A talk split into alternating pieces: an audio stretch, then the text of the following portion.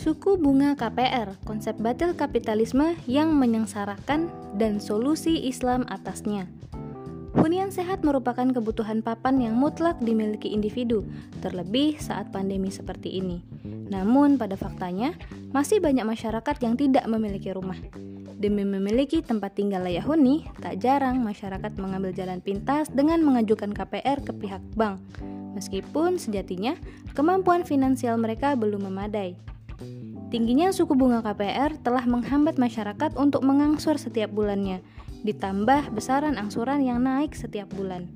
Alih-alih mendapat solusi hunian, bunga KPR justru menyengsarakan rakyat sebab kesulitan dalam membayar kredit bahkan sering berujung penyitaan oleh bank akibat gagal bayar cicilan.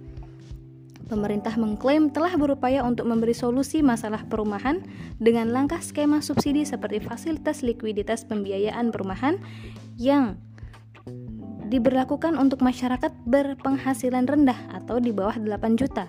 Namun, harga rumah tetap tidak terjangkau rakyat miskin. Pemerintah juga menggulirkan program sejuta rumah. Namun mirisnya, hingga saat ini angka backlog masih sangat tinggi dan tidak pernah teratasi. Inilah potret negara dalam sistem kapitalisme. Negara hanya memberikan regulasi kepada para operator seperti perbankan dan pengembang properti agar bisnis mereka bisa terus untung meski dengan penetapan suku bunga KPR yang mencekik masyarakat. Negara kapitalis hanya menetapkan kebijakan suku bunga acuan dan membiarkan para operator menetapkan suku bunga KPR. Tentu ini adalah kezoliman yang besar oleh negara bukan hanya menjadi beban materi, tetapi suku bunga yang merupakan aktivitas ribawi dapat membawa malapetaka. Jelas sudah kegagalan kapitalisme dalam menghilangkan beban rakyat menyoal masalah kebutuhan pokok rumah bagi individu.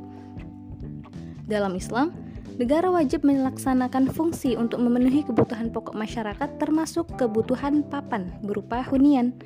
Khalifah sebagai pemimpin negara akan merealisasikan jaminan tersebut sesuai syariat Islam dan berlaku ihsan kepada rakyatnya.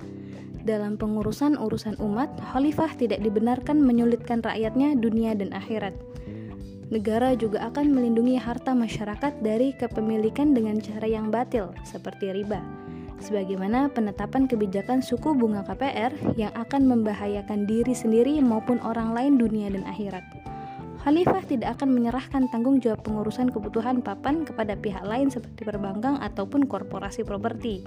Karena hal ini dapat menjadikan negara lalai dalam menjalankan kewajibannya, yakni sebagai penjamin pemenuhan kebutuhan pokok individu.